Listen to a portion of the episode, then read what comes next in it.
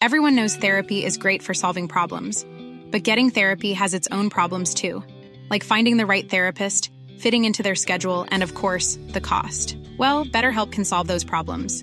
It's totally online and built around your schedule. It's surprisingly affordable too. Connect with a credentialed therapist by phone, video, or online chat, all from the comfort of your home.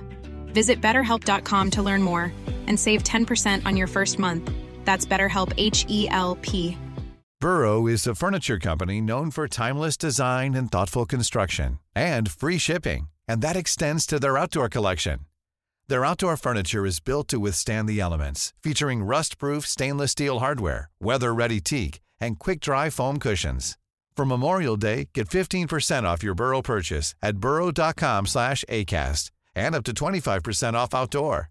That's up to 25% off outdoor furniture at burrow.com slash ACAST.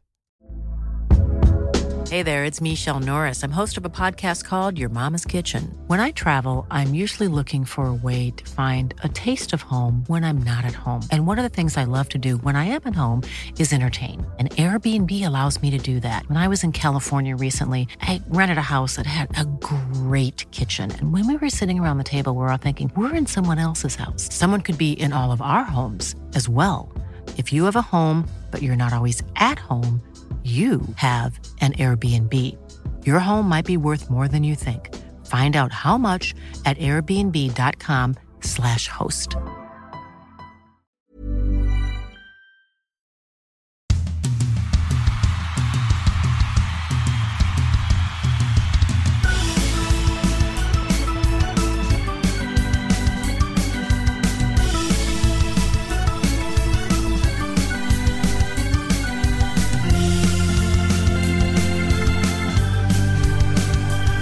Välkomna ska ni vara till ett nytt avsnitt av Ringside. Och eh, den här veckan känns det som att eh, vi inte direkt har brist om eh, saker att prata om.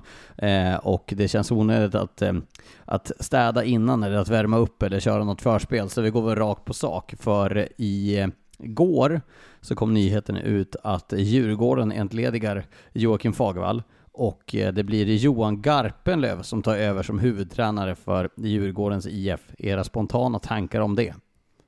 Att det är tufft att vara tränare i Djurgården får man verkligen säga. Det är ett lag som ligger tre i tabellen, men som vi har varit inne så många gånger på, det är ett spel som inte har fungerat. Det är ett uteblivande resultat och man får väl säga att det finns ingen plan för liksom hur man ska ta sig ur zon, man ser inte vad som ska hända i försvarszon. Och det är ju det här problemet som har varit så länge, så jag tror att det var oundvikligt att det skulle hända.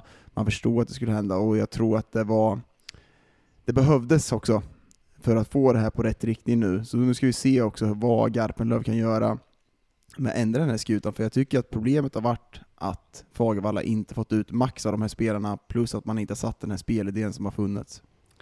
Jag vill ju vara lite eftertänksam. Jag förstår att du vill låta den spontana reaktionen Lars, och det är väl egentligen inte att jag är helt överraskad. Däremot så är jag inte säker på att eh, att det löser pro problematiken riktigt. Eh, vi ska komma ihåg en sak. Vi pratade i likhet med många andra tidigt om hur tufft det faktiskt är att trilla ur och direkt ta sig tillbaka. Vi såg ett HV71 förra året som jag och ni och många med oss har gjort misstaget att prata om. Kan man göra en en, ett, en, en HV71 och det, det, är svårt för det är massa parametrar som inte är de samma säsong eh, respektive nästa säsong. Men jag tycker inte att Djurgården riktigt, vad jag kan se så här långt, har förstått vad Hockeyallsvenskan handlar om på alla punkter. Man har plockat på sig många väldigt skickliga spelare, man har mobiliserat eh, supportrar och sponsorer så att man har fått trycket. Men jag tycker att på den kanske mest väsentliga delen, det vill säga hur du ska spela matcher, inte då och då, utan kväll efter kväll. Där har man fallerat lite grann. Sen vill jag nog säga att det är inte så enkelt att Joakim Fagervall inte kan hockey eller inte har en spelidé, för det har han. Han har varit med tillräckligt länge och han skulle inte ha blivit rekryterad om han var eh, klappkass som tränare. Jag, jag, vi har alla en relation till Fagervall och vet vad han har gjort förut. Däremot så är jag inte säker på att spelartruppen stämmer överens med idén man vill spela på. Eller om det nu är så att man inte har lyckats få den här magnifika spelartruppen, för det är ju sett i Hockeyallsvenskan, att göra det. Så jag, jag är inte klar med min felsökning än. Är ni med på hur jag tänker då? Ja, Eh, jag förstår ungefär. Eh, Dagen, hä- häng på. Ja, men jag, förstår vad du tänker och att du, jag tror att du vill sätta hur man ska sätta rollerna i den, här, i den här truppen. Det är ett stjärngäng som har satts ihop, men vad är rollfördelningen? Hur skulle man sätta de här kedjorna? Vart ska de spelarna spela? Sen så är jag, jag tycker att Hockeysvenskan, och när man har ett sånt här bra gäng så måste man ha en ryggrad att stå på varje dag när man åker till Tingsryd, när man åker till Västervik. Det spelet har inte funnits, och det har inte funnits en ryggrad för att vinna de här matcherna. Tycker man förlorar mot till exempel mot Almtuna på grund av att man inte har det här grundspelet klart för sig. Sen när man vunnit matcher där man har en storspelande Lindbom i mål och en offensiv spets som har stuckit ut i vissa matcher. Men spelet har inte funnits, så den ryggraden måste finnas. Jag tycker att HV gjorde det exemplariskt förra året, vi ska inte ta upp HV allt för mycket, men de gjorde det exemplariskt för de spelar likadant mot Västervik som de spelar mot Karlskoga, som de spelar mot Björklöven, som de spelar mot Modo, det såg exakt likadant ut. Och den eftersökte jag i Djurgården, och den har inte funnits här. Sen förstår jag Fredrik vad du menar med att vart var rollfördelningen? Vilka spelare ska vara där? Ja, det är inte, ja, det är delvis det jag menar, men jag menar också att, att um, man har heller inte funnit ett sätt att spela på som, och det, det ligger ju naturligtvis det ansvaret på tränarstaben. Men det är också så här att du, du sitter inte, åtminstone är det inte så för mig, att det, jag sitter på ett sätt att spela hockey på som fungerar på vilket lag som helst oavsett vilka som spelar där. Utan vad du tar in för karaktärer och spelartyper påverkar sättet du bör spela på. Det finns ju naturligtvis en ram och en, en grundläggande tanke. Så här vill jag att vi ska spela hockey för då vinner vi matcher. Men om du tänker på vilken annan värld som helst, ta bara för att ha ett exempel. Om jag har en fantastisk låt, om jag skriver sådana och gör musik. Och så tar jag en, en kvinnlig artist med jätteljus röst eller Tommy Körberg så är det klart som fan att den produkten, den sången låter annorlunda beroende på vem som för den. Och här tänker jag att när man satt efter vårens debacle, när man ryker 4-0 i matcher, man har kvar samma tränare som faktiskt var med på det, den resan. Sen plockar du in spelare, du plockar in spelare sent. Det, det tar, du får ju Elliot och du får Schilling sent. Du får Klasen sent. Det händer saker efter du har bestämt dig för vad vi ska göra. Där tyckte jag att, att till exempel HV kändes det åtminstone som att de hade satt sig. Och när man pratade med folket där nere i Jönköping då så hade man man var så rörande överens om så här ska vi spela, så här ska vi leva varje dag. Köper inte ni det, då behöver ni inte vara här. Och vi kommer att plocka på oss spelare, så din speltid kommer sannolikt minska, för vi kommer inte ta in folk som spelar lite, vi kommer ta in folk som ska spela i betydande roller. Och hela det där paketet, både med rollerna och spelet, tycker jag har gått lite snett. Så att vad jag egentligen vill komma åt är att ibland är det enkelt, och nu, nu låter det som att jag med dåres försvarstal för alla tränare, men det är så lätt att peka på en tränare och säga du har misslyckats med det, då tar vi bort dig. Och det väsentliga då, som jag egentligen kommer till nu, då tar vi in Garpenlöv. Är vi säkra på att det är rätt förändring? Men det, det är ju ofta att man får, tränaren står ju oftast längst Såklart, fram i ledet när, det, när den här förändringen ska ske. Och jag säger inte att det är inte bara Fagervalls fel att det här är, det är spelare som inte har presterat på som, som de ska. Det är ett stjärngäng som vi pratade om innan, de ska prestera bättre än vad de gör just nu. Men det är oftast tränaren som Ja, ja, får, det har jag det är hans det huvud som rullar om. oftast. Det vet ju han om. Men då menar jag så här att om du ska göra ett byte, du ska inte byta för bytandets skull. Du ska byta för att du ska veta att någonting blir bättre. Och därför förutsätter jag att Garpenlöv nu tillsammans, jag gissar att det är Tre Kronors playbook, more or less, som ska in i Djurgården. Ja, det, det är ju mycket väl att det kan bli så. Och det har ju varit ett problem, om vi ska gå in på Garpenlöv redan nu, så är ju det varit det stora problemet med Garpenlöv, att han inte att kunna implantera ett spel i Tre Kronor. Det är inte Sunne så bra i 5 mot 5 och det är det som ska in nu i Djurgården. När man lyssnar på Garpen och tycker att han är klar på hur de ska vara, de ska vara spelförande, de ska vara puckskickliga. Men hur förmedlar han det i gruppen? Nu kommer han ha en grupp dagligen, hela tiden. Kommer han kunna liksom placera den här spelidén snabbt? Jag, jag ställer frågor till dig också Fredrik, hur, för det har varit det stora problemet i landslaget under Garpenlöv det jag ställer mig frågan till det är ju så här. Att du tar en kille som eh, Joakim Fagervall som får bära lite hundhuvudet nu för den eh, ja, men tvivelaktiga starten som inte gått som Djurgården hade tänkt i början på den här säsongen. Jag är helt med Fredrik på det han säger om att HV hade en plan. Från dagen de åkte ur så eh, satte de sig allihopa i den sportsliga ledningen i ett kon konferensrum. De gick inte ut därifrån förrän de hade en plan. De hade pinpointat att Tommy Samuelsson och Fredrik Stillman var de som skulle leda dem tillbaka. De fick tillsammans med den sportsliga ledningen rita upp vad är det som krävs? Jo, vi måste lära oss hur vi vinner i den här ligan. De åkte ut och såg träningsmatcher i alla diverse klubbar.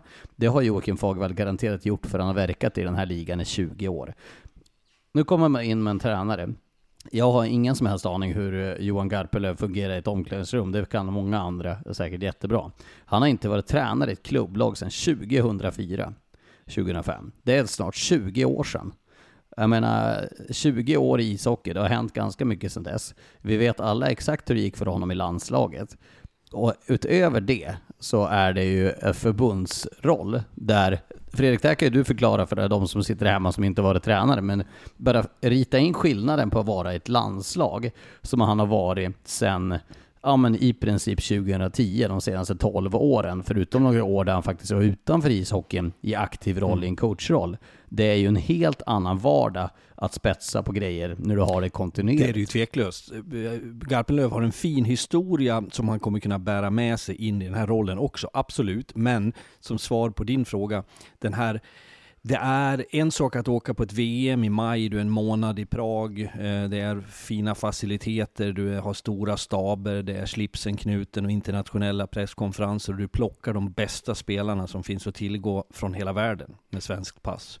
Att vara tränare i Djurgården i Hockeyallsvenskan, det innebär bussresa till Västervik, att kliva in där, där du inte kan ha slips på dig för då fryser du arslet av dig. Du ska träna på morgonen, du ska gnugga extra med folk, du ska ha video. Det, det är en annan sak. Men med det sagt, jag tycker inte att Johan Garpenlöv är fel för Djurgården. Han är väldigt förknippad med Djurgården. Det finns många uppsidor där. Men jag är fortfarande, jag är så intresserad att se vad det bär hän med den här förändringen. Och om det nu är så att han sitter på någon mirakulöst sätt att plantera en spelidé så måste jag också ställa mig frågande till övriga runt omkring Fagervall. Har man då inte sagt ifrån om det är den det är fel på? Om det är spelidén eller att den är obefintlig, det, det, det kan man inte, det kan inte komma som en överraskning nu. Nej, det, det syntes ju när Fagervall kom in redan förra året tycker jag, att, det inte, att den spelidén inte fanns. Men det ska, jag, jag, tror på kort sikt att man kommer få en effekt av det, brukar man oftast få i den här typen. Och sen, sen så tror jag på lång sikt, vad, vad är liksom, för Garpenlöv har skrivit på för den här säsongen ut, det är ju inte en långsiktig lösning man har kommit med här. Det här är ju något som de, de liksom ska ta in någon annan eftersom. Sen får vi se nu om Ragnarsson och de här blir kvar också, för det är ju, det är ju stora frågan, liksom. är det tillsammans med Fagervall de jobbar, eller hur jobbar man tillsammans? Och jag tror på kort sikt, som sagt, det kommer bli en förändring i det. Jag tror man kommer se stora förändringar. Men det krävs ju också att spelarna liksom tar åt sig det här nu och visar att det är på riktigt nu. Det är, vi har kommit så långt att vi har fått eh, Fagervall, en omtyckt ledare i det här laget. För det är han verkligen. Spelarna vill ha kvar honom såklart. Men det krävdes någon typ av förändring tror jag. Jag undrar vart, eh, vad är ansvaret för Tobias Persson och KG Stoppel som jag har varit ansvariga för det här sedan start? Jag menar, Tobias Persson var ju också aktiv under det här hela förra säsongen. Ehm, eller inte hela, eh, under delar av förra säsongen. KG Stoppel kom in och fick ju eh, sprida ordentligt med pengar kring sig. Men jag skulle vilja sitta ner med eh, Tobias Persson och få höra liksom vad är hans syn på det här och hans roll i det här. Visa på ansvaret. Vem är det som har ansvar för spelidé? Är det Joakim Fagvall som har satt den? Hur mycket är det Tobias Persson och KG Stoppel? För KG Stoppels spelidé tror jag inte att det är. Utan då är det Tobias Persson och Joakim Fagvall tillsammans med Ragnarsson och Kompanis i så fall. Ja, ja, de frågorna skulle jag vilja få ett svar på. För de du ställer är relevanta. Eh, och det som jag också kan säga som jag åtminstone har ett frågetecken kring, det är när organisationer blir för komplexa. Eh, och då har man dessutom nu i Djurgården eh, ett antal, man körde med någon teknisk direktör och sportdirektör och vad man nu hade för titlar. Nu har man dessutom tillsatt en jag vet inte titeln på det där, det var något, eh, är det Senior Advisor Board? Typ ett sportråd. Ja, med eh, Tommy Bostedt och Josefsson och det är fina namn. Men det får heller inte bli för många kockar. Jag tror ju Djurgården befinner sig i en situation där det är det är inte do or die att gå upp direkt, men det, är, det blir så vansinnigt mycket svårare med tiden.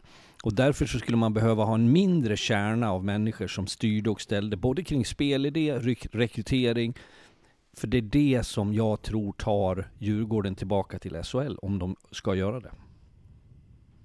Det blir lite för mycket röster. Det, och det är väl precis som vi varit inne på, Stockholms Stockholmssyndromet om man får kalla det för det, liksom att AIK har mycket röster runt sig, Djurgården har mycket röster runt sig, fans, partners ska säga sitt.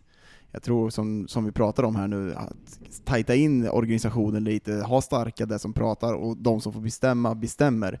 Inte så här många röster nu som det är runt omkring, för det, det skulle vara intressant att få komma in ändå och lyssna på hur man jobbar, vilka är det som bestämmer om det här? Och Ja, det, det, det, är ett Djurgården som är i en annan sits än de andra lagen i Hockeyallsvenskan, för det, är, det krävs mer eh, för det här Djurgården Men jag ska också, också avslutningsvis säga att den situation som Djurgården befinner sig i är inte för mig helt överraskande. Jag tillhör inte de som har tryckt på larmknappen fullt ut. Jag har haft frågetecken och tvivel kring spelet. Jag har sett tendenser som jag inte riktigt tycker talar till Djurgårdens fördel i förhållande till de andra topplagen.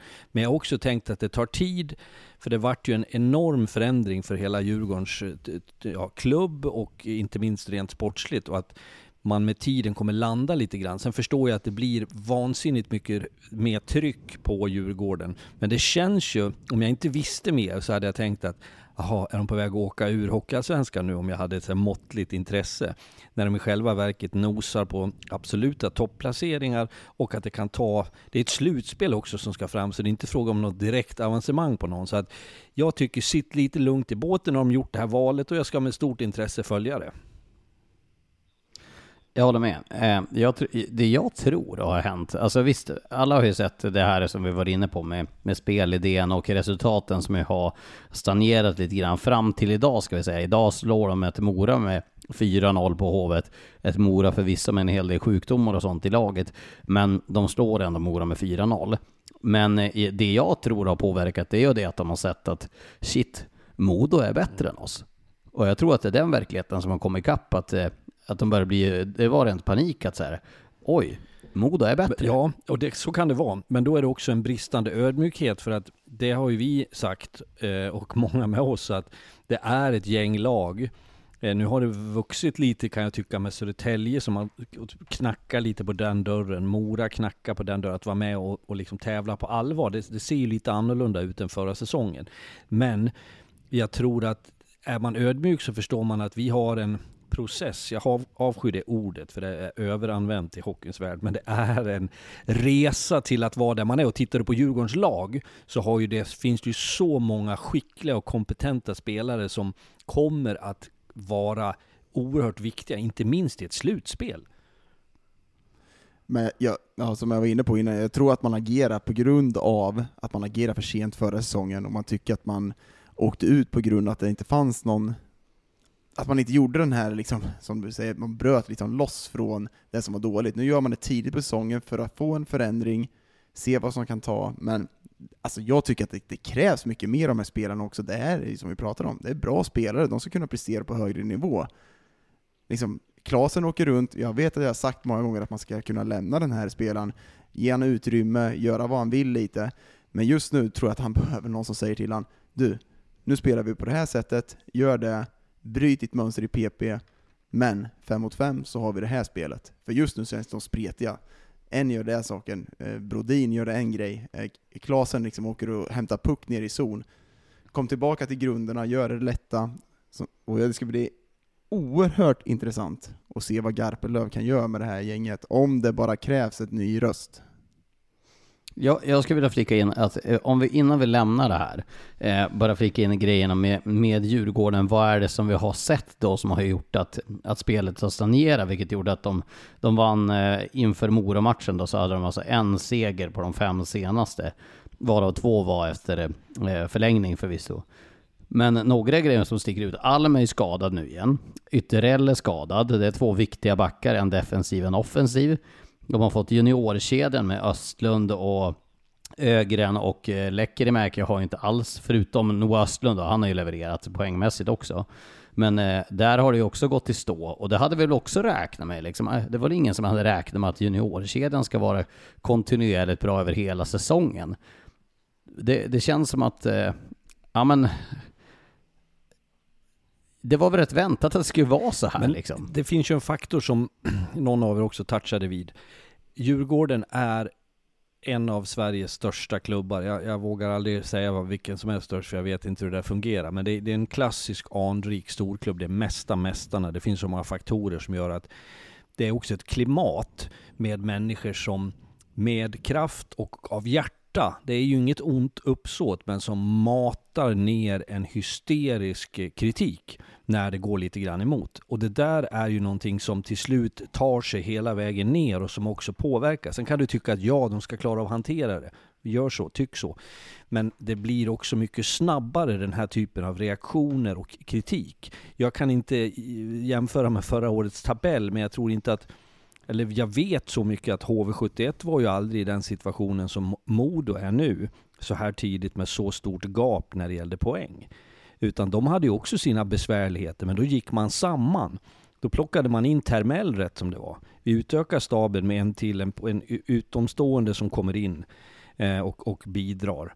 Eh, så att jag tycker att, att det finns olika sätt att hantera det på, men jag förstår också att jobbar man för Djurgården och spelar man med, med, med den skölden så, så är det mycket tuffare. Men det borde ju de också veta om. Sen går ju eh, Stoppel lite i sin inriktning med att ta in Garpenlöv med det här Djurgårdshjärtat, med att Djurgårdsanknytning med Ragnarsson och de här i båset. Att det ska vara en Djurgårdsfamilj som liksom tar det framåt, kanske köper lite mot fansen, att det ser bra ut, mot partners också, att det ser liksom lite bättre ut om man tar in den typen av tränare som har den här anknytningen till klubben. Så jag tycker ändå att det är en linje med vad, de, vad Stoppel vill ha i båsen, men de skriver fortfarande bara ett år med så det är inte en långsiktig lösning det Djurgården gör just nu. Det jag funderar på det är så här, om, om man nu ska göra en förändring nu, den här, att det skulle ske en förändring, det var ju eh, ganska väntat tycker jag, med tanke på hur det har låtit. Och det är också inne på samma sak som Fredrik säger, som du också var inne på Daggen, att det blir väldigt högljutt från väldigt många med starka röster inom hockeyns värld som gör att det, det var nästan oundvikligt att det skulle ske någonting. Men Johan Garpenlövs eh, bristande eh, erfarenhet i den här ligan. Jag vet att han har coachat i Hockeyallsvenskan tidigare, men eh, jag tycker det ska bli otroligt intressant att höra vem det är som bestämmer nu, vad det är som gäller, hur de gemensamt har dragit ihop nu, om de får Holmqvist och Ragnarsson och alla djurgårdare nu som är på plats att dra åt samma håll. Och framförallt, vems idé är det som gäller? Och vilka punkter i spelet som de faktiskt måste styra upp? Ja, jag, jag tänker också bara att förändringen, bara så vi gör klart det, det finns ju inget lag någonsin som har sparkat tränaren där, klivit in en ny och så är det frid och fröjd med att han står där och säger några andra ord eller en annan typ av träning en dag. Utan omställningen är ju en, en bred uppgörelse som kommer ta tid. Om du ska förändra din spelidé, om du ska spetsa till den, skapa tydliga roller, du ska öka trycket på träningen. Allt det här som man önskar kanske när det, när det går lite grann emot. Så att det man ska vara beredd på är att, den, att du sminkar dig lite nu och vinner några matcher. Idag vinner man 4-0, men Garpenlöv var ju inte ens 5-1 till slut. Du är inte ens Garpenlöv med. Ja, det tyckte jag också var jättekonstigt. Så här, om man lika var på plats, varför konstigt. var han inte med? Ja, jag, förstår, jag förstår faktiskt inte varför han inte ställer sig i båset idag. Ett perfekt tillfälle, hemmaplan mot Mora Eh, ta det här till chansen och liksom vinna över lite publiken, fansen, allting liksom på din sida. Liksom få det här draget på Hovet.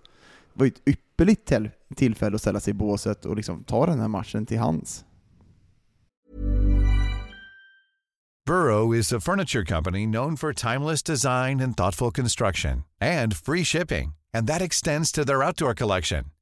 Their outdoor furniture is built to withstand the elements, featuring rust-proof stainless steel hardware, weather-ready teak, and quick-dry foam cushions. For Memorial Day, get 15% off your Burrow purchase at burrow.com slash ACAST and up to 25% off outdoor. That's up to 25% off outdoor furniture at burrow.com slash ACAST. Everyone knows therapy is great for solving problems, but getting therapy has its own problems too, like finding the right therapist, fitting into their schedule, and of course, the cost. Well, BetterHelp can solve those problems. It's totally online and built around your schedule. It's surprisingly affordable too. Connect with a credentialed therapist by phone, video, or online chat, all from the comfort of your home. Visit betterhelp.com to learn more and save 10% on your first month. That's BetterHelp H E L P. Hey there, it's Michelle Norris. I'm host of a podcast called Your Mama's Kitchen. When I travel, I'm usually looking for a way to find a taste of home when I'm not at home. And one of the things I love to do when I am at home is entertain. And Airbnb allows me to do that. When I was in California recently, I rented a house that had a great kitchen. And when we were sitting around the table, we're all thinking, we're in someone else's house. Someone could be in all of our homes as well. If you have a home, but you're not always at home, you have an Airbnb. Your home might be worth more than you think. Find out how much at airbnb.com/slash host. Ja. Eh, frågorna är många, svaren är få. Det vi vet är att Johan Gerpelöv kommer att leda Djurgården framöver i alla fall tillsammans med, eh, med Holmqvist och Ragnarsson och, och Mikko och company. Eh, och vi kommer att ställa frågor då till de här framöver för att höra vad idén är, hur de ska fortgå. Eh, jag tycker att vi lämnar Djurgårdsspåret där med, de har fått eh, dryga 22 minuter där och jag tycker att vi kan ta om det Fredrik vi fick se i lördags, för vi fick se eh, det var ju fullsatt i Örnsköldsvik. Det var en otrolig inramning, 20 och 45 start, som jag för övrigt blev lite charmerad av, just med tanke på det här att vi fick ju Ja. hockey liksom från två på dagen till ja, midnatt. Jag, ja, jag var lite trötta kanske där på kvällen. Men, men eh, jag tror inte det är omöjligt att det här kommer ske flera gånger, att det kommer att bli sådana matchstarter. Eh, I alla fall inte med tanke på att det blir sådana här matcher du kan öppna upp. Jag misstänker att det var en del mer försäljning i, i kiosker och barer. I. Frankrike spelar vi 21. Mm.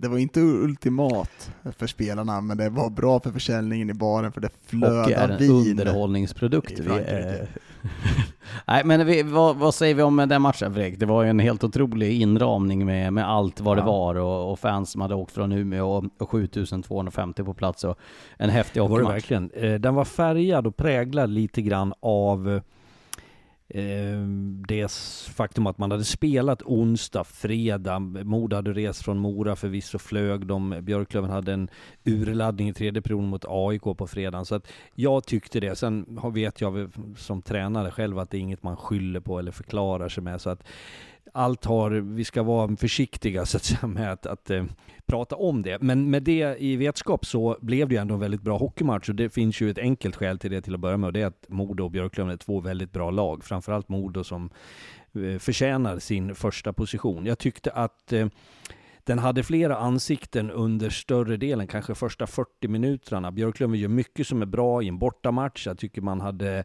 man anpassade sitt spel efter att man hade gått hårt på folk och man saknade lite gubbar. Så att man var med länge och väl, men sen sätter Modo ner foten. Och jag tycker att det som vi fick se från 2-1 går till 3-2 och sen att du vinner på det sättet. Eh, Alla bidrog, det var toppforwards som, som var med och presterade, backarna som ska vara bra och gjorde det, de här defensiva pjäserna skötte sig och så fick vi se, hjälp mig med namn nu då, men Manberg eh, och kompani i eh, Adam Pettersson, Adam precis. Pettersson De och- som kanske har en mer blygsam roll sett till eh, shownummer var väldigt viktiga. Så att Modo bekräftade det faktum att det är ett topplag, de förtjänar sin position. Björklöven behöver inte skämmas ett ögonblick för sin insats. tycker Håller Björklöven gör en bra bortamatch. Stabila, bjuder inte på så mycket chanser, men de möter ju satan vad bra Modo är när de eh, växlar upp. Det är, ja, det, det är länge sedan jag såg dem så pass bra som de visar upp sig just nu och det är eh, det är inte en, två kedjor som eh, växlar upp här, det är liksom alla chippar in på det här och är ju Ja, det är grymt bra. Och jag tycker att Björklöven ändå visar en klass i den här bortamatchen. Man bjuder inte på samma chanser som jag tycker att man gör till exempel mot AIK, där man liksom släpper pucken på dåliga ställen och man liksom har ett övermod i spelet. Nu visar man upp att man kan spela mot de här topplagen och gjorde det bra också, men det är ett Modo som är riktigt bra. I... Mo- Modo är ju eh, ligans överlägset bästa lag nu. Alltså med sån marginal. Eh, eh alltså de har, inte, de har inte förlorat sedan 28 oktober och det är en match då på bortaplan mot, eh, mot Östersund och då hade de eh, ju också där match dagen innan och två dagar innan och två dagar efter. Men det som är så imponerande är nu att jag tycker att inte nog med att de bara får utväxling på folk som är runt första femman. Första femman i powerplay och första femman är fantastisk. Eh, men dessutom att, eh, ja men du ser som Wahlberg och Folin är stabila som tusan. De får in den här Norén, unga killen som är ser han spelar med pondus och självförtroende. Han, han, är inte liksom lika flashig som Mattias Norlinder var när han kom fram. Men han är stabil, han är trygg och han få förtroende och liksom eh, möjligheten att växa i det där laget med väldigt stark backuppsättning. Om man jämför Modo med det laget de hade 2020, när de också hade en väldigt vass backuppsättning, då hade de ett första backpar som var otroligt vasst och så bakom hade de de spelare som växte och som fick ta stora roller. Men alla drar sitt strå, till stacken. Då har tagit in Theodor Niederbach nu, en spelare som inte bara är vass i första bra. kedjan, men han är också smart värvad för att han går använda när Riley Woods är tillbaka, går han använda som center och som ytterforward i både en andra och en tredje kedja. Men då, då, då, jag tittar ju på matchen och kollar på era intervjuer också, då säger alltså Hinken att de ska in med en målvakt. Var det två backar, två forwards in i det här laget? En back, två forwards. Ja, det är, det är ju otroligt och att han ska hitta de spelarna också och krydda till det här laget ännu bättre. Så det, den, det ska bli väldigt intressant att se vilka spelare han tar in i det här laget också, om det är en spetsforward man ska ta in eller hur man hittar. Jag tycker backsidan behöver man inte ta in någon spetsback. Det har de Nässén och Bernhard, de behöver inte ta in Ta in en stor stark som är bra defensivt istället. Sen de här forwardsen de ska träffa rätt på också, det är ju högintressant vilka spelare man går på där. Jag noterar ju också av intresse som efter många år i, med pipan i käften och värmeställ på som gnällig tränare så, så tittar jag, jag läser ofta tränarnas um, kroppsspråk och när vi sitter och snackar med dem och sådär. Det som jag eh, blir lite um, till mig i positiv mening av hos Modo är att de är inte nöjda.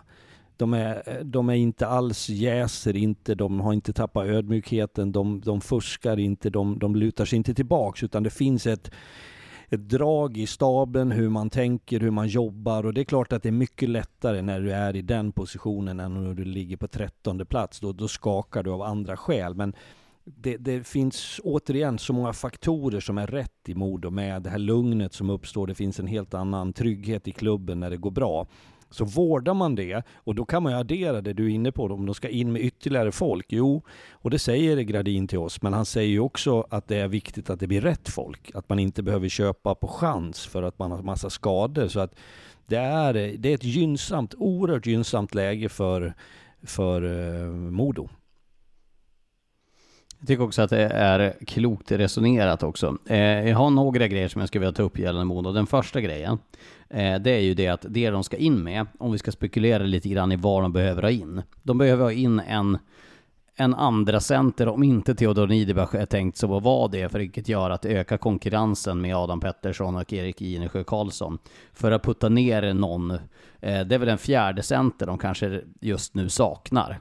Alltså så att man trycker ner dem från andra och tredje till fjärde. Det är väl egentligen det som känns som det de behöver. Och sen tycker jag att de behöver en, en back i andra backpar. Exakt det du säger. Typ en, sta, en stor, stark, typ en Linus Kronholm som Björklöven har, eller alltså den typen av back. En stark defensiv back som också kanske har ja men en, en sån där klassisk tvåvägsback, Mattias Timander typ om man ska ja, ta en Modo-referens. Han, han, var bra. Ja, jag, jag tänker att han ska av, han får sluta in Peter Forsberg på forward också. Ah. Ja, men det, är ju, det är ju ett boxplay som inte har fungerat, om man ska kolla på någonting mm. på Modo. Boxplay fungerar inte, bara spetsa till det där då. Hitta de rollerna.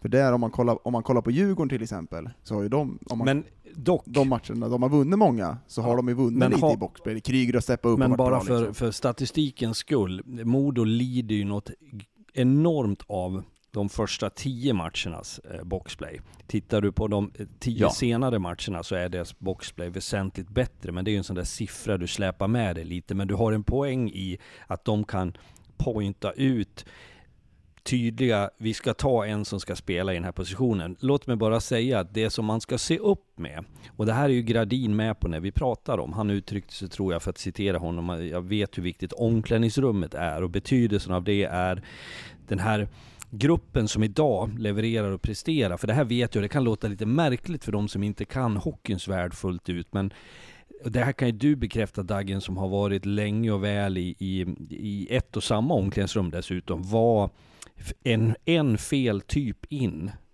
eh, och att det råkar bli fel ut. Det vill säga, vi säger att vi plockar in Mr X. Han kommer in och ska vara center i andra linan. Där är nu Eh, en annan som är väldigt omtyckt i klubben och i laget och i gruppen, han kanske har en, en social relation med två av de andra toppspelarna. Han får inte längre spela. Den här som kommer in som ingen riktigt tycker om, som kanske inte pratar språket, man missförstår varandra. Alltså det kan, sådana där små förvecklingar har fördärvat bra, välmående grupper. Så att jag, jag jag tycker att Modo gör rätt i att verkligen scouta både kvaliteterna som spelare, personligheterna, så att det där pusslet inte rubbas för mycket. Sen får man inte vara rädd för konkurrens, det är inte det jag menar. Men visst har du varit med om det här Dagen? Ja, jag har varit med om det så många gånger när man fått in fel karaktärer på fel plats och fel tidpunkt. Dock så är det lättare att ta in när man har ett lag som går så pass bra det, det, är lite mer svårare när man, när man ligger lite eh, pyrt till och tar in de här spelarna, för då är det lite liksom, det gnabbas lite redan innan man tar in dem. Nu är det frid och fröjd i Modo, men självklart, får du in en fel karaktär på fel, fel plats här nu, som liksom, det sprider sig en osämja i laget, det sprider sig lite osäkerhet på några positioner, då kan det bli, det man måste göra, det man måste träffa rätt på nu, det är att de ska gå in och prestera. Får man en spelare som presterar, då kommer det inte ställas frågor heller. Men det är också väldigt svårt att hitta den. Med, med det sagt så tror jag att, eh, på tal om just den poängen, så tror jag att eh, relationen har nått vägs ände med Rierds Marenis i, i Modo nu.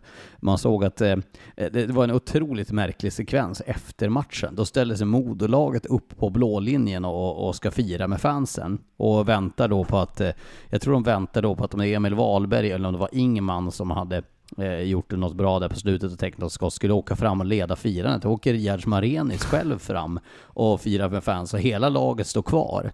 Och jag tycker man noterar också när man står mellan båsen att eh, han känns otroligt frustrerad. Och jag tror att Riyaz Marenis, jag tror på riktigt att det går han till ett annat lag. Låt säga att han hamnar i ett AIK, ett Västervik, ett Vita Hästen, ett Tingsryd. Skulle kunna ha en jättebra vår. Men eh, jag tror att eh, jag tror den relationen har nått vägs ände. Mycket möjligt. Mycket möjligt. Jag tror inte Modo skulle må dåligt av att släppa honom. Jag tror inte han gör han har inte så stor impact på den här gruppen. Eh, dels för att han inte presterar på den nivån som han ska, men det, jag tror också att släppa honom, om man ska släppa honom. Men det, jag tror att det är också ett lag som har råd att betala för den här spelaren det, också. Det, jag har full förståelse varför han hamnade där. Eh, även om vi ställde oss frågan, vet jag, den här superfredagen.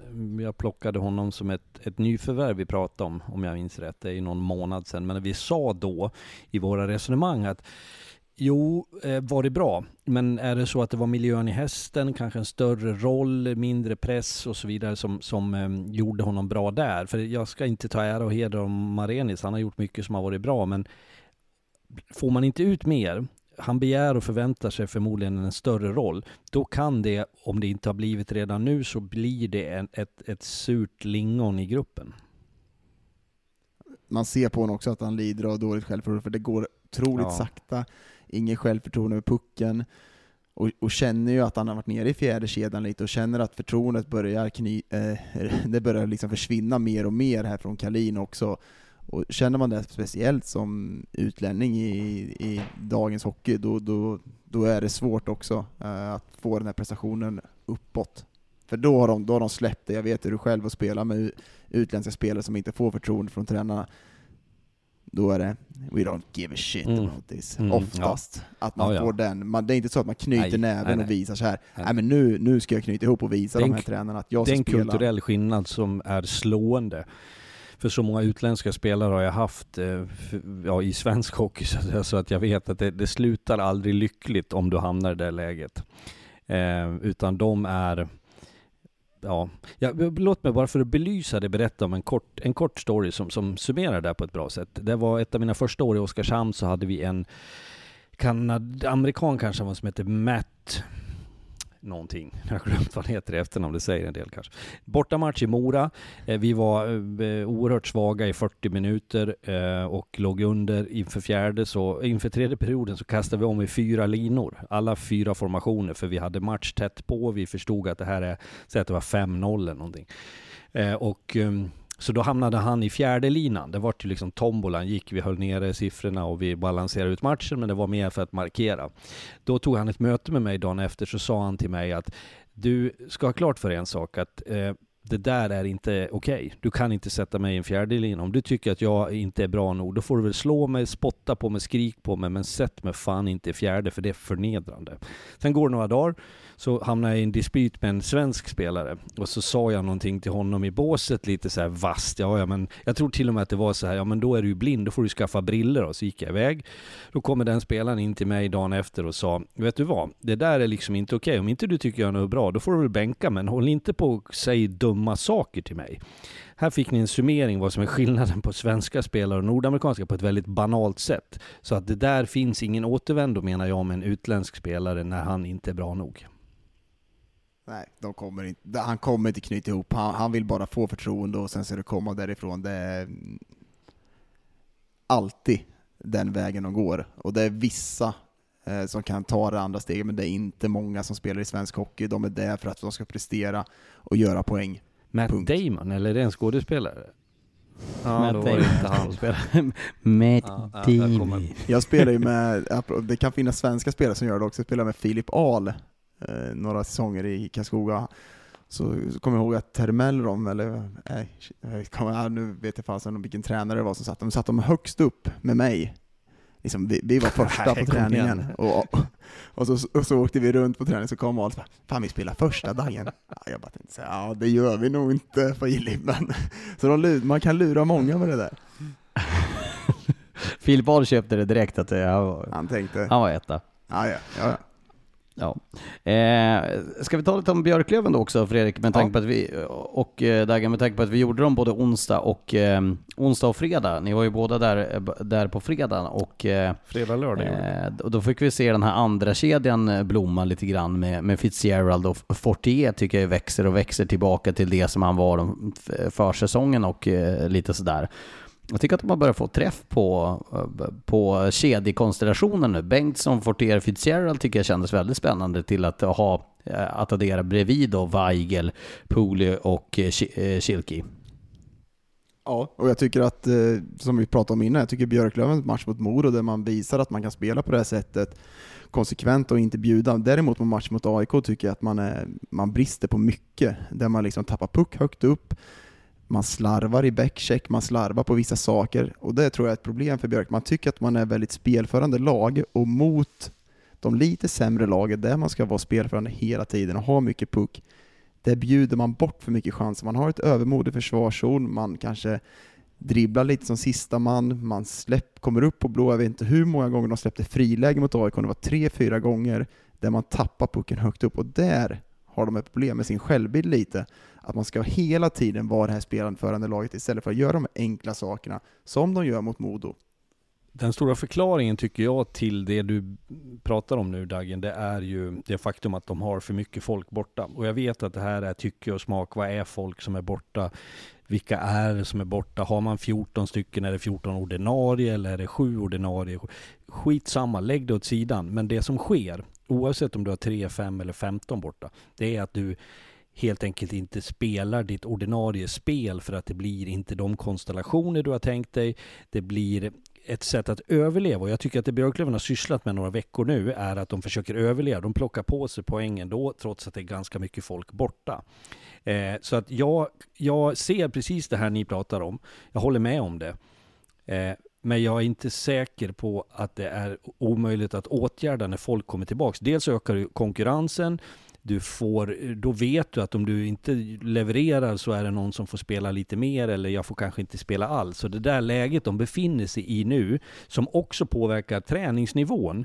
Du tränar sämre, Björklöven har inte ett J20-lag som är av yppersta elit, du kan inte plocka upp folk och behålla nivån. Så det är en ond cirkel som jag tror är lite skadlig för Björklöven, även om de tror att de kommer titta ja, men... ut ur den. Tycker du att på grund av att de har mycket spelare, att de brister i spelmässiga saker i spelet, man tappar puck på fel ställe, man har ett övermod i försvar. Det tycker inte jag är på grund av att man har många spelare borta. Vad beror det på då? Nej, jag tycker att man har ett övermod i spelet. Att man tycker att man är bättre än, i vissa matcher, att man tycker att man ska vara så pass mycket bättre än de här lagen och då ger man bort också chanser i de matcherna. Sen självklart, skadesituationen är tuff. Men det, men det är det, det för många lag. Det är många lag som, som jag är ute efter som, som jag menar gör det är inte hela sanningen, absolut inte. Men det är inte bättre. Du kan inte bänka tre stycken för att du tycker de åker runt och är nonchalanta, för de vet att jag spelar ändå. Det i sig är ju dåligt omdöme. Det i sig är ansvarslöst. Men du som tränare saknar verktygen att faktiskt agera gentemot truppen. Och det skulle vara enda skälet till att jag tycker kanske att Björklöven har en mer akut situation att eh, ta, till, ta in spelare i truppen. Nu vet inte jag skadeläget på de här Olofsson till exempel som jag tycker var, har vuxit och varit väldigt bra. Men om det är lång tid så skulle de behöva hitta någonting under resans gång för att du som tränare också ska kunna ha möjlighet att göra lite mer. Det håller jag med om. Det håller jag verkligen med, att det inte kommer några konsekvenser av det spelet.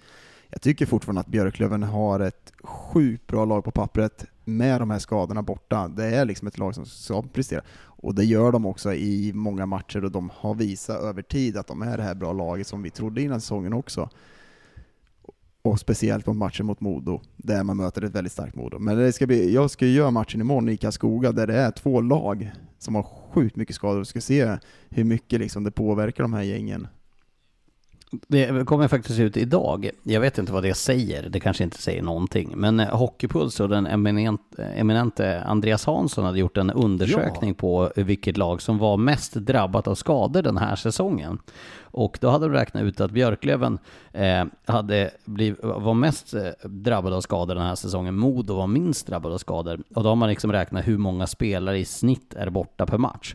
Det blir lite skevt kan jag tycka för att Adam Plant räknas med där som en del av truppen. Och han är ju rent krasst inte en del, del av truppen, men han kommer mest troligt inte att spela hockey igen.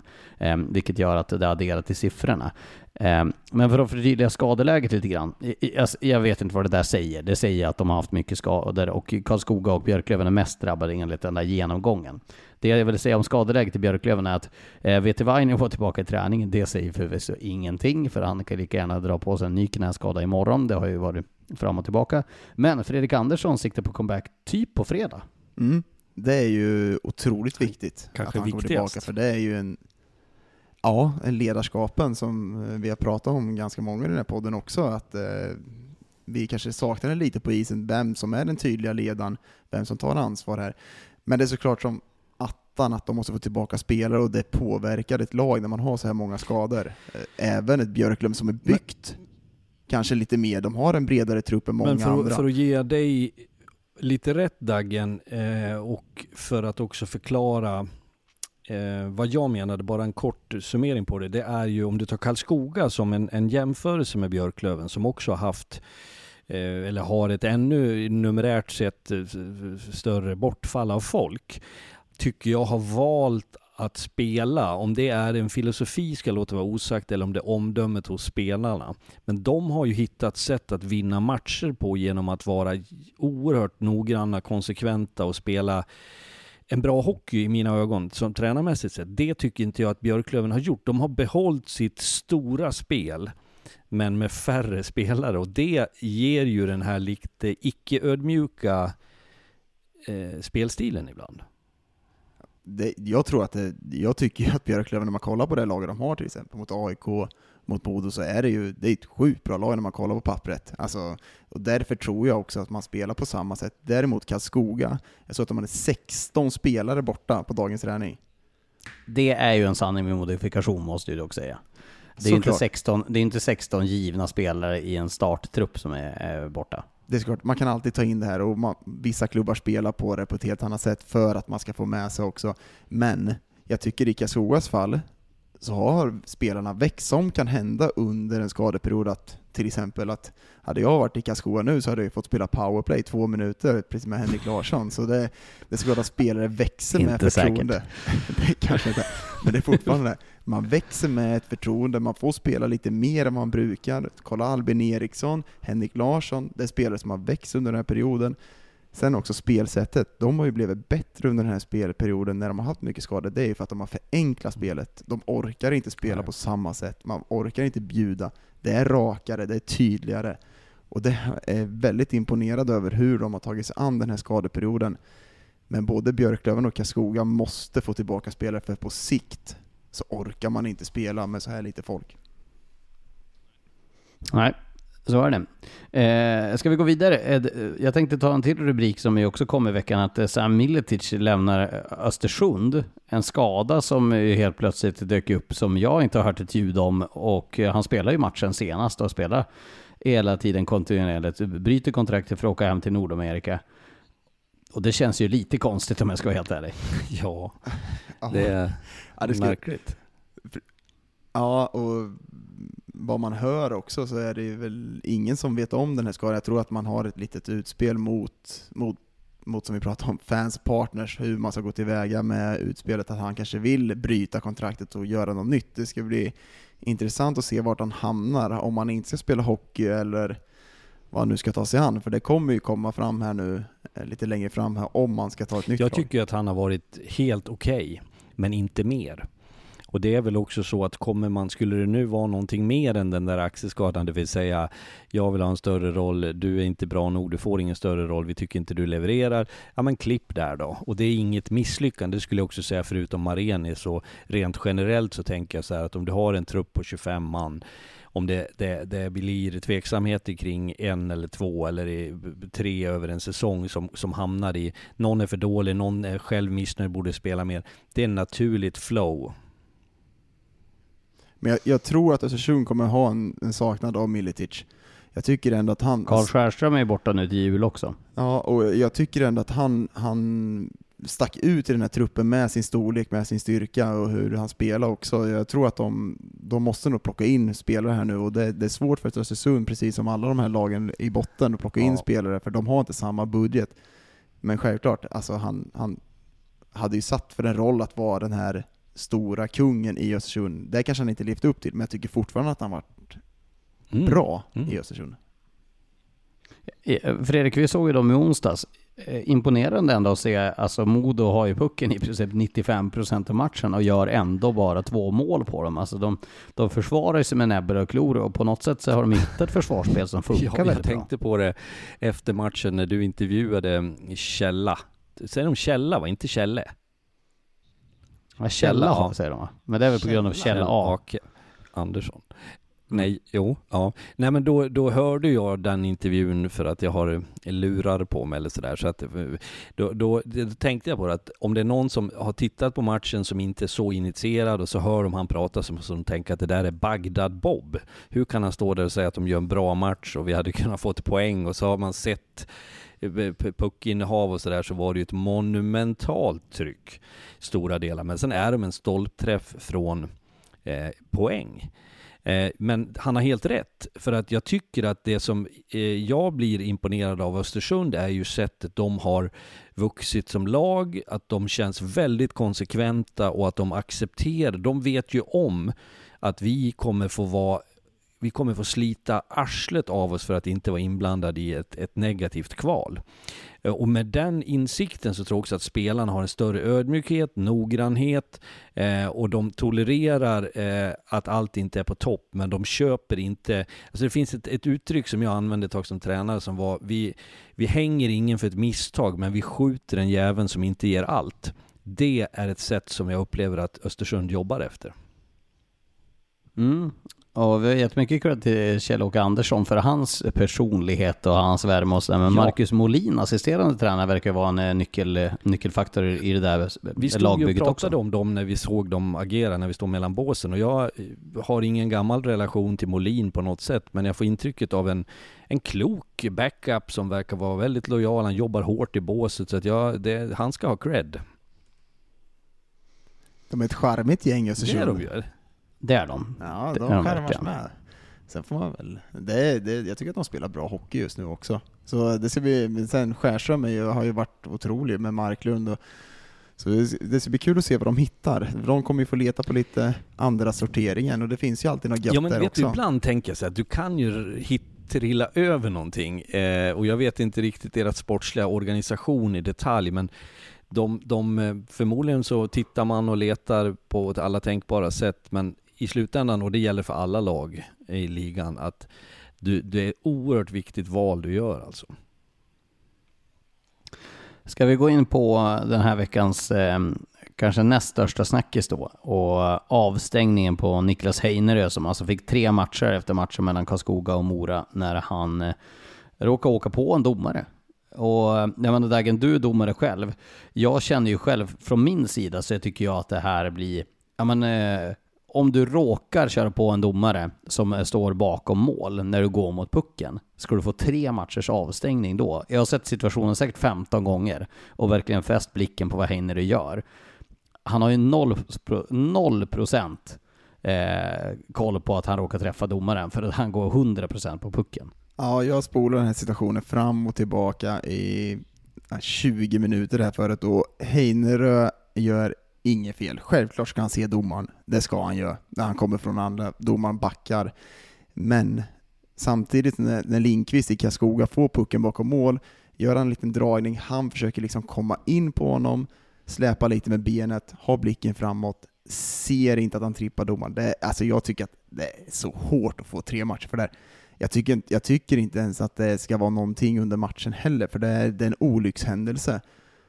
Och domaren fick väl hjärnskakning ryktades det om, så jätteotur att det händer, men det, det här är en olyckshändelse, och det här tycker jag att de är fel på det. Det jag tycker, det är att jag tycker synd om domarna. Och då ska jag förklara varför innan någon sliter ut sladden eller vad man nu lyssnar på.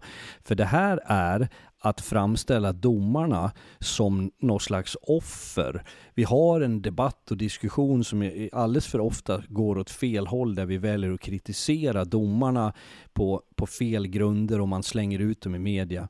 Det här är ju att framställa dem som att inte de kan ta hand om sig själv eller att de inte har något ansvar på isen, att de skulle vara där mot bättre vetande.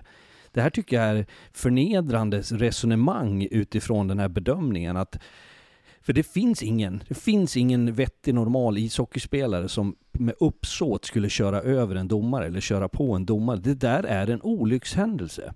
Och att då man ska bestraffa Heinerö med tre matcher, det är fullständigt orimligt för mig. Jag, jag köper inte det där.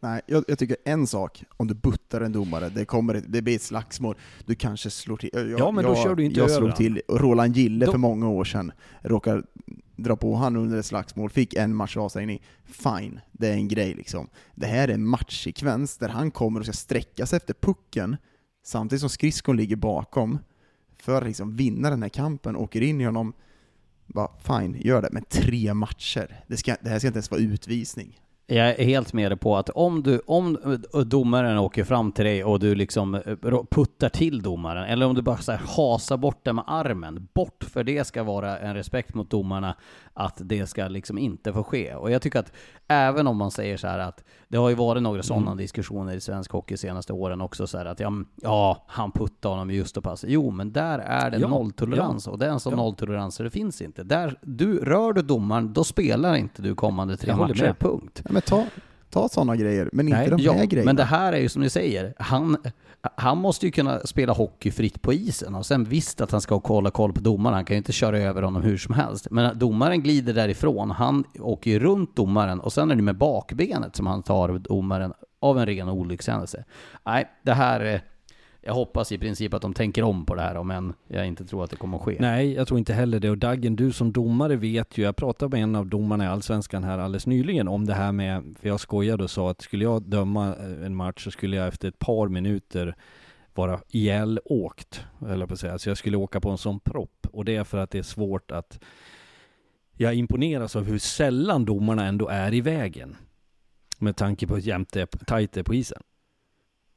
Jag är imponerad att jag är vägen så jäkla mycket när jag dömer division 1 och jag vet inte varför jag är det, men den, jag kanske vill vara med i spelet, men jag, det känns som att jag är vägen. Jag åkte i backen något fruktansvärt här i derbyt när jag dömde Nybro-Kalmar. Men det var ju, det, man måste också liksom, i spel, du hur lång, sätter dig själv som domare fick lite. han som... Ah, han fick noll, han kanske skulle ha många. Nej, det, det, var jag som satt mig i en dålig Ja. situation där. Sen så självklart, jag tycker att Heiner ska se domaren, men det är fortfarande inte uppsåt att han ska göra det. Han ser honom, men sen samtidigt gör ju Lindqvist en grej med pucken där han får ändra lite åkriktning. Och då är domaren där, och det kan ju hända. Det måste ju ses som en olyckshändelse mer än att man sätter ett straff för det här. Ja, jag, jag reagerar. Jag, jag tycker att vi...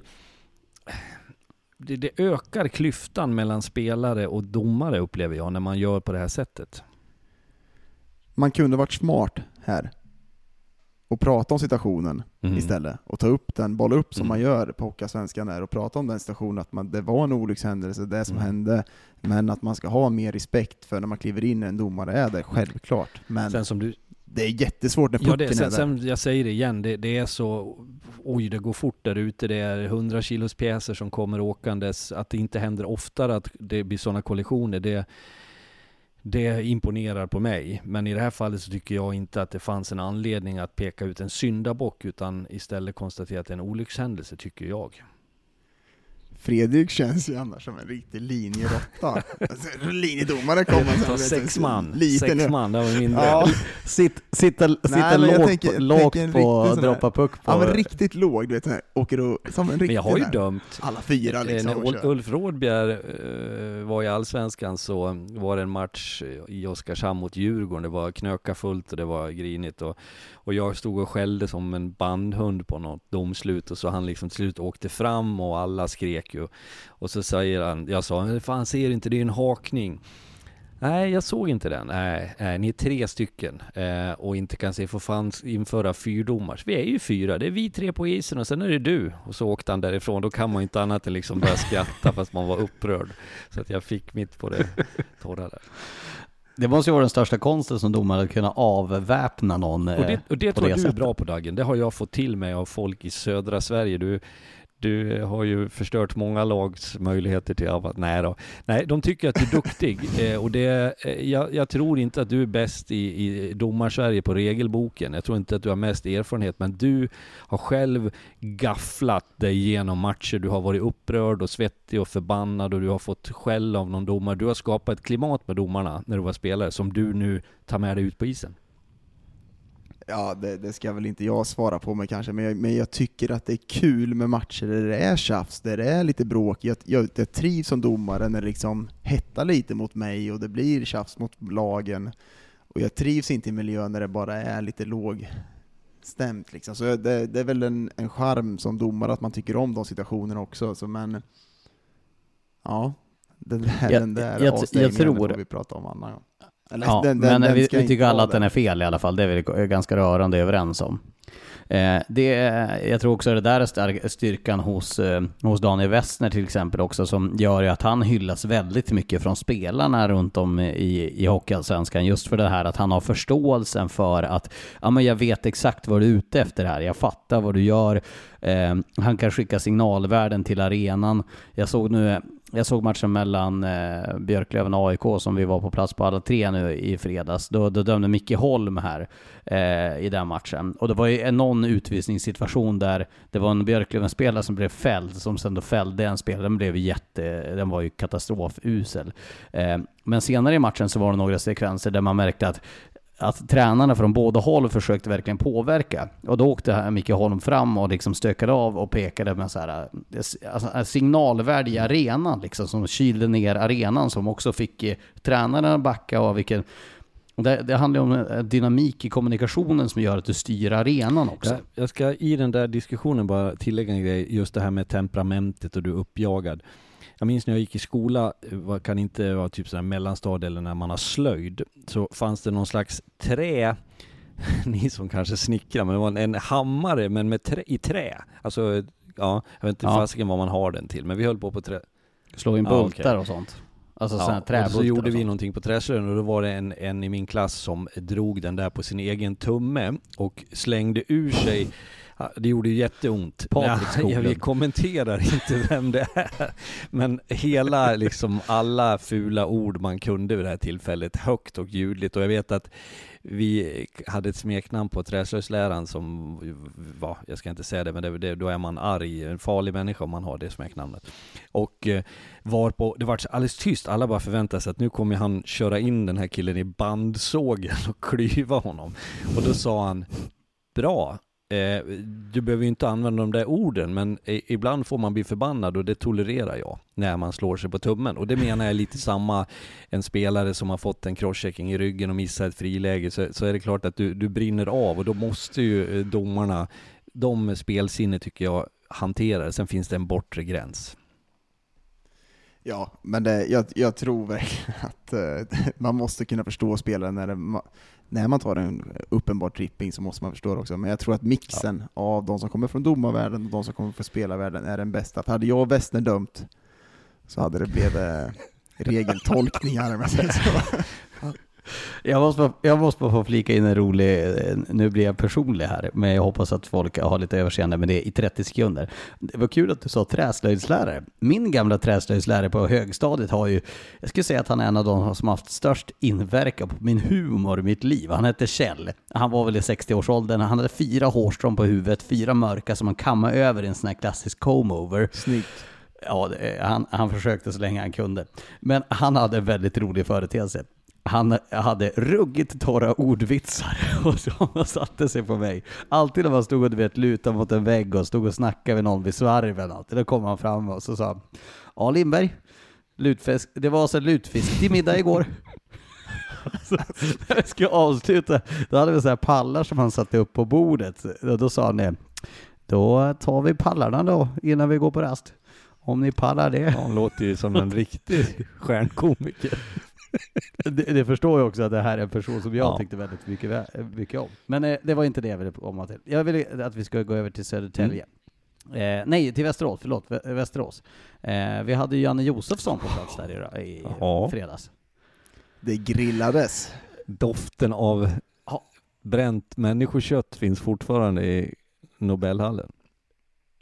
Ja, för att förklara det så var det så att Patrik Zetterberg var gäst i studion och Harald Lyckner gick in i sin eh, roll som, eh, som eh, kritisk granskande journalist. Men, men bara för att förtydliga det här lite grann med vad, vad som var poängen med det hela. Västerås slog ju faktiskt Djurgården nu i, i lördags med 2-1 och det gav ju en hel del andrum där, att det köper ju väldigt mycket cred att få, få ta en sån seger. Men eh, jag tycker att eh, de, många av de frågorna som eh, som Harald var inne på hade ju verkligen eh, dignitet och det var väldigt intressant att höra vad Zetterberg hade att Väldigt säga för det är väldigt, väldigt många frågor där som han har. Jag skulle själv eh, vilja höra Zetterberg ännu längre bara prata om situationen i allmänhet för det finns ju mängder av frågor att ställa kring Västerås. Men vad tyckte ni om matchen och vad tycker ni om situationen och det som ni har sett i helgen mot Karlskoga och eh, Djurgården?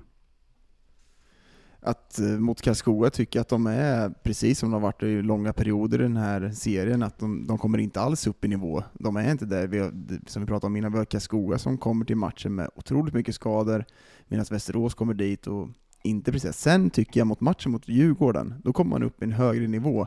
Och de tar med sig liksom tredje perioden från Karlskoga-matchen, där jag tycker att de kommer upp lite bättre. Men Djurgårdsmatchen är bra. Då har man en liksom prestation som är bättre, man har ett driv i laget som inte funnits där på många matcher.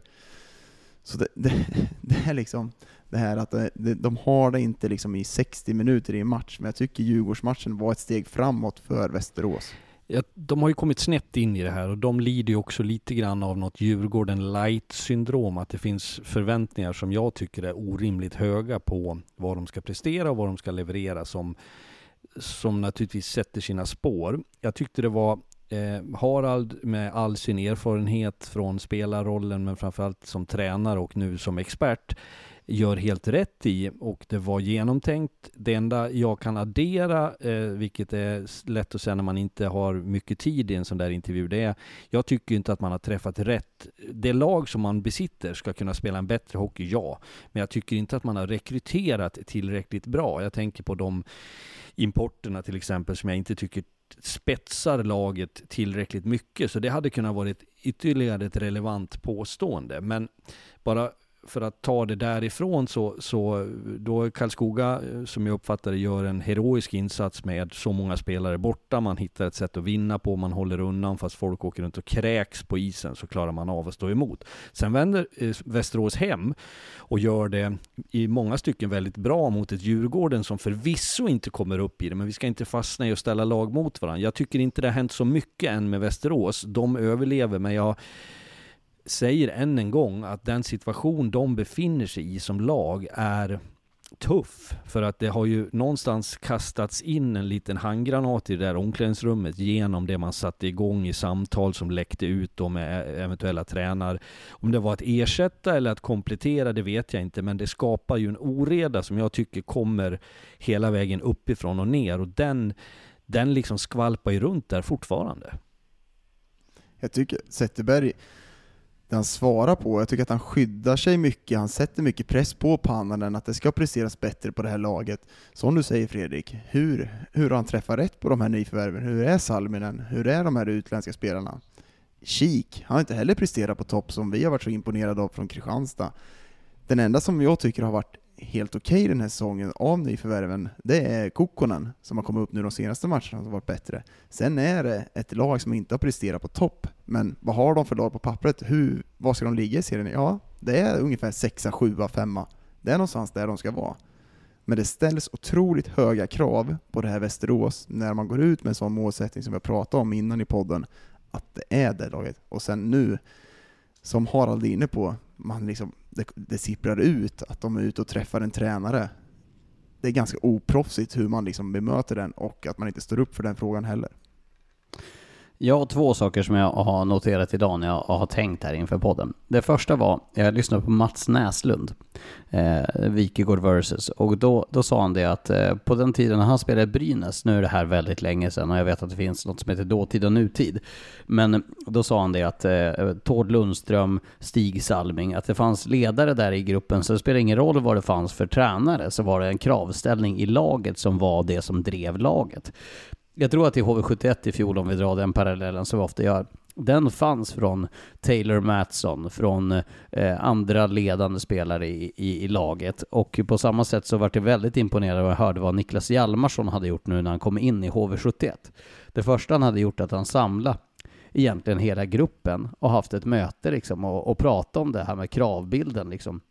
Vad ställer vi för krav på varandra egentligen? Vem är det som leder gruppen? För är det någonting i alla samhällen Eh, det spelar ingen roll om du går in i ett fotbollslag i division 3 eller om du går in i en arbetsplats där det är 20 personer som ska dra åt samma håll. Det finns ledare i grupperna och det är de som sätter tonen. Det finns alltid folk som är den som bestämmer och riktar eh, liksom, ja men ni vet hur det är. I alla kompisgäng, allting, det är någon som sätter tonen och den som leder är så det blir. Och jag tror att det är spelargruppen som måste ta tag i det här. Alltså det är en spelargrupp som måste inse så här, ja men vi, vi sätter för låga krav på varandra. Och jag tror att ledarskapet ifrån spelargruppen är det som är problematiken i Västerås. Jag tror inte, och jag håller med, laget är inte bättre än att vara kanske max fyra. Men jag tror där är problematiken. Så här är det ju, det, det är ju de är ju barn av sin tid. Det du pratar om på gamla, tro mig, jag har växt upp med det där i och hört det till leda hur det var i Leksand till exempel på 70-talet. Och jag skärmas av det, jag tycker det är rätt och jag, tror på det. Daggen, du har varit i ett klimat i Karlskoga på den tiden, åtminstone det var Bofors, när man var mycket rakare, tuffare på varandra. Tyvärr tror jag inte att vare sig Västerås eller Djurgården som vi har pratat om ledarskap i gruppen, det är ingenting du, du tar ett möte och sen, aha, var det så vi skulle vara? Utan det handlar om att du måste Nej. få in personligheter som har det där. Det är möjligt att Hjalmarsson, som jag har hört mycket gott om genom alla år, kan bidra till det. Men däremot tänker jag i rekryteringen så tycker jag generellt att vi är för dåliga på i svensk hockey att plocka karaktärer. Vi plockar skickliga spelare eller de med potential som vi ska jobba med. Och så tänker vi att det är tränare som ska sätta ramar. Men som tränare vet jag själv hur oerhört viktigt det där är och någonting som jag har tjatat hål i huvudet om. Men jag har också kommit på mig själv ibland att säga det till de som inte har de egenskaperna. Det gör ju dem nästan bedrövade för det är med andra ord att jag säger att ni är inga ledare när jag begär saker som de inte har i sig. Så att det är väldigt intressant att få till det där.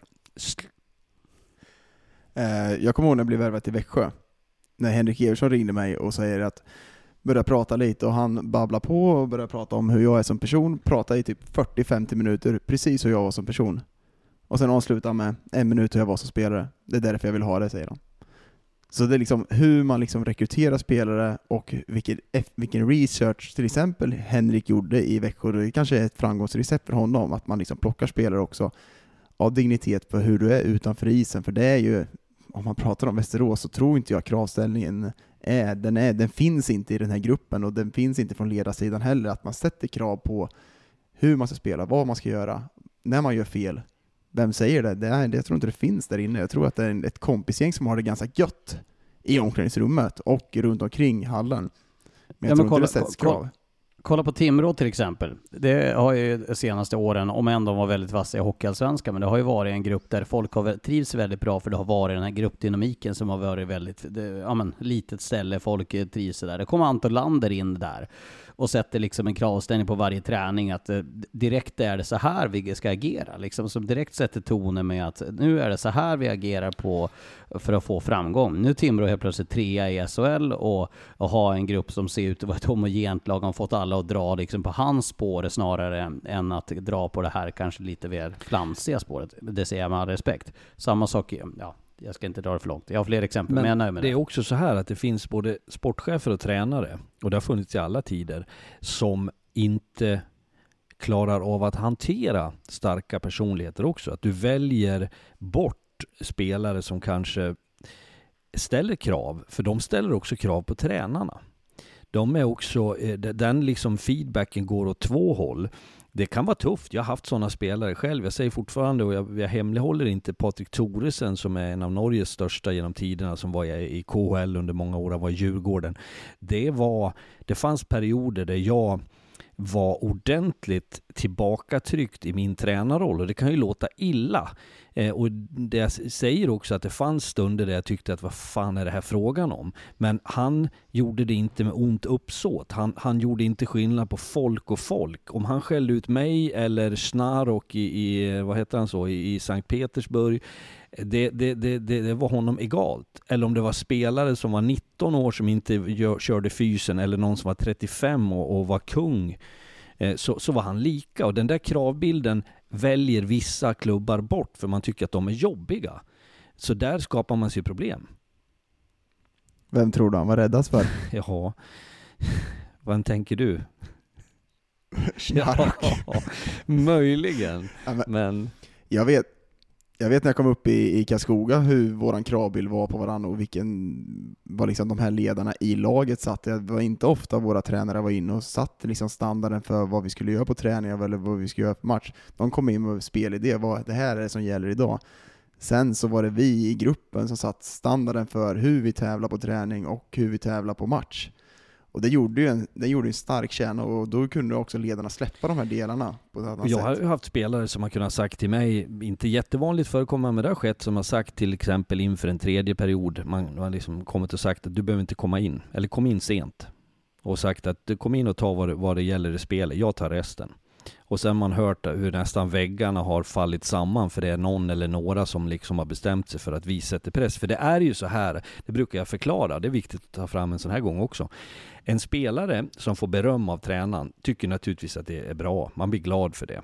Men du vet också att det är, jag har betalt för att säga det. Jag har betalt för att lirka med folk för att de ska vara happy. Om jag skäller på någon så vet de att jag har betalt bara att liksom skälla. Men när det där kommer från gruppen, när du får respekten av dina lagkamrater, när du får kärleken av dem eller du får kritiken så ska det åtminstone i de lag där jag har verkat varit av större betydelse än om jag har gjort det. Så att man får akta sig så att inte tränarna är några som kommer in och sätter betyg i varje paus och sen jag klarar mig den här gången. Utan de svarta ögonen från din backpartner när du har ställt till det med pucken. Eller om du slarvar i ett PP för du är nonchalant och fyra stycken sitter och stirrar på dig. Den kritiken är ju mer relevant och mer verkningsfull. Ja, verkligen.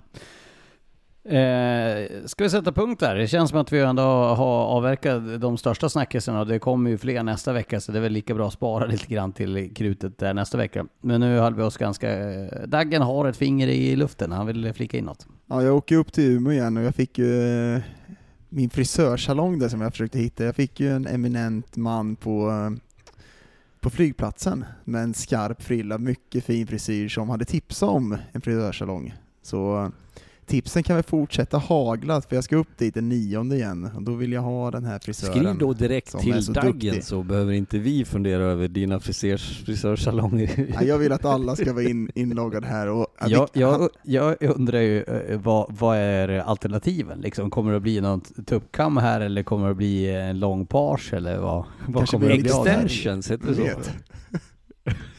ja, jag tror, det finns ju inte mycket att göra. Men när man har få hårstrån så är det otroligt viktigt att de ligger rätt. Det är sant. så är det. Vi avslutar ja, där då. I, på salongen. Eller Fredrik, har du något du, Nej, du jag på? känner bara att um, det är ju um, bara vi fortsätter den här perioden nu, det börjar ju bli, ske lite saker. Någon får sparken och det rekryteras lite grann. Så att det är en intressant period som väntar och de här lagen som inte vi har pratat så mycket om idag eh, kommer vi ju förmodligen att prata mer om. Så, om inte annat Ja, det finns saker som är intressanta ja. där också. Men eh, var sak har sin tid. Vi får ju skäll av lyssnare när det är för långa avsnitt, så vi får ju ha respekt för vår ålderman.